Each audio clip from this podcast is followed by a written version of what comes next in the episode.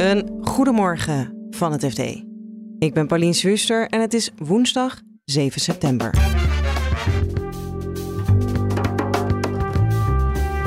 De NFT-hype is over, maar NFT's zijn ook nog niet weg.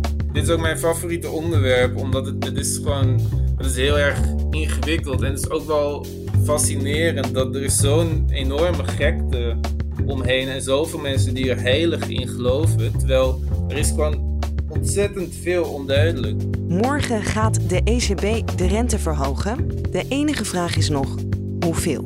De ECB heeft nu duidelijk door dat de inflatie bestreden moet worden. En dat gaan ze gewoon hard doen. Want als je dat niet hard doet, dan, dat hebben we uit de jaren 70 geleerd, dan, uh, dan, dan heb je weinig succes. En Liz Truss gaf haar eerste speech als premier van het Verenigd Koninkrijk.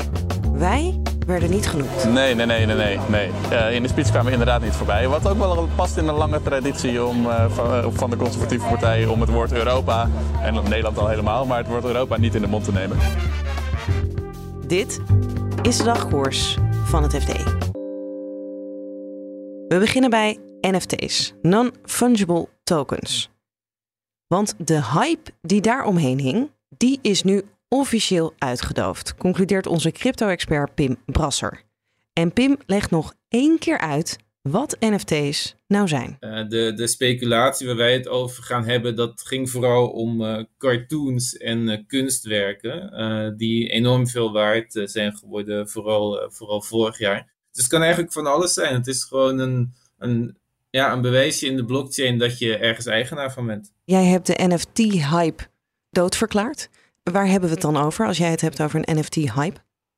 Wat je gewoon zag was dat het echt een speculatiemiddel werd. Dus er waren mensen die kochten zo'n zo'n zo'n plaatje. En dat deden ze niet omdat ze het zo leuk vonden, maar gewoon omdat ze heel snel winst wilden maken. En dan vaak een paar dagen later, als zo'n plaatje, als daar dan een hype omheen kwam, dan verkochten ze hem weer voor, eh, nou ja, laten we zeggen, acht, uh, tien keer de prijs. Uh, en dat, die gekte, wat dus veel meer om speculatie ging dan, dan om die NFT's zelf, die is er nu een beetje uit. Omdat je nu gewoon de, de stijgende rente hebt, je hebt de energieprijzen, de dreigende recessie. Uh, vorig jaar hadden sommige mensen gewoon geld te veel. En nu is een beetje het tegenovergestelde eigenlijk uh, het geval. Dus, dus die ergste gekte, die is er nu uit.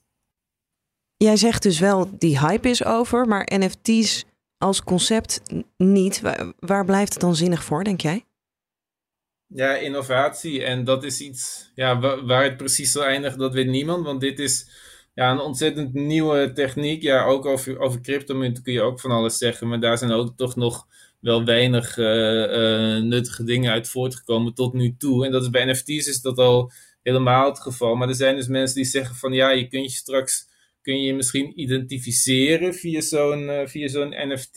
Er zijn ook uh, muzikanten die, die zijn aan het experimenteren, die verkopen hun, uh, hun muziek als NFT direct aan hun, aan hun fans. dus, dus dat soort ja, kunstenaars, digitale kunstenaars, die, die, die, die experimenteren ermee. Dus, dus dat zijn wel um, dingen die ook gewoon door blijven gaan. Omdat die mensen gewoon echt in de, in de technologie uh, geloven. En bijna blij zijn dat al die gekte nu een beetje, een beetje uit de markt uh, is. En je hebt ook nog uh, best veel modemerken die, ehm, die ook bijvoorbeeld sneakers en, en, en al andere luxe virtuele dingen als NFT verkopen. Dus, dus dat, blijft wel, dat blijft wel doorgaan. Ja, ik blijf het toch nog steeds lastig vinden om te begrijpen wat dan uiteindelijk de functie zou zijn en waarom we dat niet zouden kunnen doen met iets anders wat we al hebben. Maar dat uh, ligt misschien aan mij.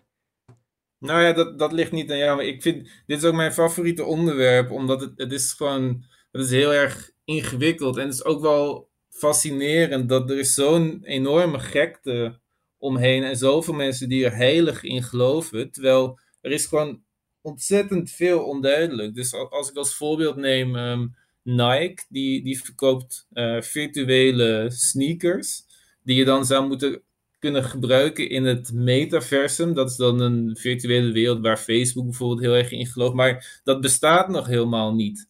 Uh, dus, en daar wordt, het nu wel, daar wordt wel ontzettend veel geld voor neergeteld, om, zodat je dan straks coole sneakers kunt dragen in het metaverse, wat misschien pas over tien jaar of zo uh, echt, echt af zal zijn. Dus het, het, is fascinerend en um, ja, er zijn mensen die er heilig in geloven, maar vooralsnog uh, moet, het, uh, moet het nog waar worden gemaakt. Dus, dus dat je het allemaal niet helemaal begrijpt, dat, dat is volkomen logisch. Morgen maakt de ECB bekend hoeveel ze de rente gaan verhogen om de torenhoge inflatie de kop in te drukken. Analisten rekenen op 75 basispunten erbij, een forse verhoging. Maar of dat verstandig is, blijft een dilemma. Je hoort onze ECB-watcher Joost van Kuppenveld. Wat er speelt is van er komt een recessie aan, denkt iedereen. En de inflatie is hoog. En uh, nou ja, normaal gesproken bij een recessie uh, zou je de rente wat uh, laten dalen. Alleen bij de inflatie die is zo hoog dat ze daar wat aan moeten doen. En daar geeft ze nu prioriteit aan. Maar de angst is dat als je de inflatie te hard bestrijdt met een te hoge rente, dat de recessie dan groter wordt. Ja, dat die, die, kan, die kans is, is aanwezig. Ja, omdat dan minder investeringen worden gedaan en al dat soort dingen. Een van de ECB-directieleden, uh, uh, Schnabel, die heeft ook een uh, toespraak gehouden. Was dat tijdens Jackson Hole? Ja, dat was, een, dat was in Jackson Hole. Dat was eigenlijk de toespraak die eigenlijk nog het meeste, in de, in de, het meeste heeft voortgebracht. Want uh, Powell had wel enigszins succes met zijn toespraak, maar die was heel kort. Maar zij, had echt, zij heeft echt gewoon ervoor gezorgd dat analisten anders zijn gaan denken over de ECB.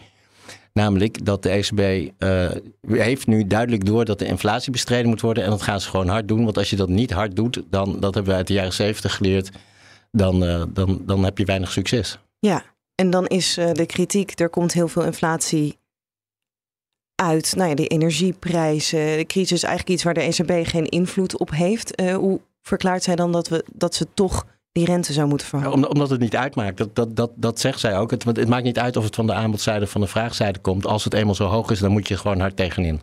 Er is ook wel tegengeluid uh, van economen die zeggen... nou, 75 basispunten is misschien wel heel agressief. Waarom vinden zij dan dat het minder moet? Omdat zij verwachten dat, uh, dat er een recessie aankomt. En ehm, ja, dan, uh, dan, dan, dan moet je gewoon niet. Dan, dan kun je ook door te veel renteverhoging in de economie extra afknijpen, waardoor de recessie zwaarder wordt. Ja, en dan zorgt die recessie er wel voor dat de inflatie ophoudt. Zo nou ja, dat, dat denken zij. Maar mensen zoals Snabel die zeggen van ja, nou er kan wel een recessie komen, maar dat is waarschijnlijk te weinig om de inflatie terug te brengen naar de doel, doelstelling van 2%. Ja, want je kan dus een recessie hebben, maar wel dit soort hoge inflatiecijfers of nou iets minder hoog? Als de energieprijzen uh, blijven stijgen en uh, de voedselprijzen, uh, dat zijn dingen die mensen nodig hebben, die moet je dus kopen. Wordt het dan nog spannend morgen in Frankfurt of niet? Nou ja, de, voor de ECB-nerds wel, want wordt het 50 of 75? Ik denk dat het voor de meeste mensen niet heel veel zal uitmaken. En tot slot gaan we naar het Verenigd Koninkrijk, waar gisteren Liz Truss haar eerste speech gaf als premier. I am confident that together we can ride out the storm. We can rebuild our economy and we can become the modern, brilliant Britain that I know we can be. Onze correspondent Joost Dobber was er natuurlijk bij. Joost, waar sta jij nu? Ik sta in een uh, bijzonder nat Downing Street uh, voor de deur van, uh, van nummer 10. De deur is inmiddels weer dicht. Het spreekgestoelte is weer naar binnen gehaald. Maar Liz Truss heeft net haar, ja, hoe noem je dat, welkomstspeech gegeven. ze is net premier van het Verenigd Koninkrijk en heeft, uh, heeft het land even kort toegesproken. Ja, wat vond je van haar speech? Um, ja, het was een uh, wel opvallende verandering van toon als je het vergelijkt met wat we gewend zijn van Boris Johnson. Die was natuurlijk altijd heel enthousiast en uh, gaf niet zo heel veel ruimte aan welke problemen er ook zouden mogen spelen in het land. het was wat, wat zakelijker. Het was een vrij korte speech. speech. ze, ze stipte even aan wat voor moeilijke omstandigheden er zijn met inflatie inflatie, met de hoge energieprijzen, met de oorlog in Oekraïne. Um, en uh, beloofde dat ze een, uh, een, uh, een stoutmoedig plan heeft om de Britse economie weer aan te zwengelen. om de economie te laten groeien. Ja. Um, maar het was vrij kort, dus we weten nog geen details. Nee, die horen we donderdag toch, is de verwachting? Ja, dat zijn dan de eerste details. Kijk, ze heeft natuurlijk heel erg veel problemen op haar bordje liggen. Um, maar de meest urgente is die van de oplopende energierekeningen. En daar, daarover horen we donderdag wat ze gaat doen. En de verwachting is dat ze een nogal groot pakket gaat aankondigen. dat kan misschien wel 100 miljard pond gaan, kosten, gaan kosten om de energieprijzen op een bepaald niveau te bevriezen. Ja, ik denk dat voor haar haar grootste prioriteit is om nou ja, dat onder controle te krijgen, de economie weer draaiende te houden, mensen aan het eten te laten. Maar wij zijn dan toch altijd een beetje benieuwd of ze iets heeft gezegd over ons of wat het voor ons als EU of Nederland gaat betekenen. Volgens mij kwam in de speech kwamen wij niet echt voorbij. Nee, nee, nee, nee, nee. nee. Uh, in de speech kwamen we inderdaad niet voorbij. Wat ook wel past in de lange traditie om, uh, van, van, de conservatieve partij om het woord Europa, en Nederland al helemaal, maar het woord Europa niet in de mond te nemen. Um, maar wat we verwachten van, van Liz Truss is... Kijk, zij is de architect van die controversiële, uh, dat controversiële wetsvoorstel dat nu door het Britse parlement gaat, uh, waarbij die grensafspraken voor Noord-Ierland buitenspel gezet kunnen worden. nou ja, aangezien zij de architect is en ook de steun van haar partij, de, haar supporters binnen de partij zijn de harde Brexiteers, kunnen we verwachten dat ze daar wel vaart achter gaat zetten. Ehm, maar nou ja, tijdens de campagne draaide het natuurlijk vooral om het bekoren van partijleden die wat meer Brexit-gezind zijn. En nu als premier heeft ze toch wat meer heeft ze ook andere overwegingen die ze zal moeten maken. Dus ja, ik denk dat in Brussel, in Brussel wel gekeken wordt naar, um, oké, okay, uh, die harde woorden die we van haar hebben gehoord, um, gaat ze die ook op dezelfde manier doorzetten? Of, of is er toch wel ruimte voor wat, wat, uh, wat toenadering? Ik denk alleen niet dat de hoop heel erg hoog is, want ze was al Brexit-minister en de, de verhoudingen waren gewoon niet goed onder haar.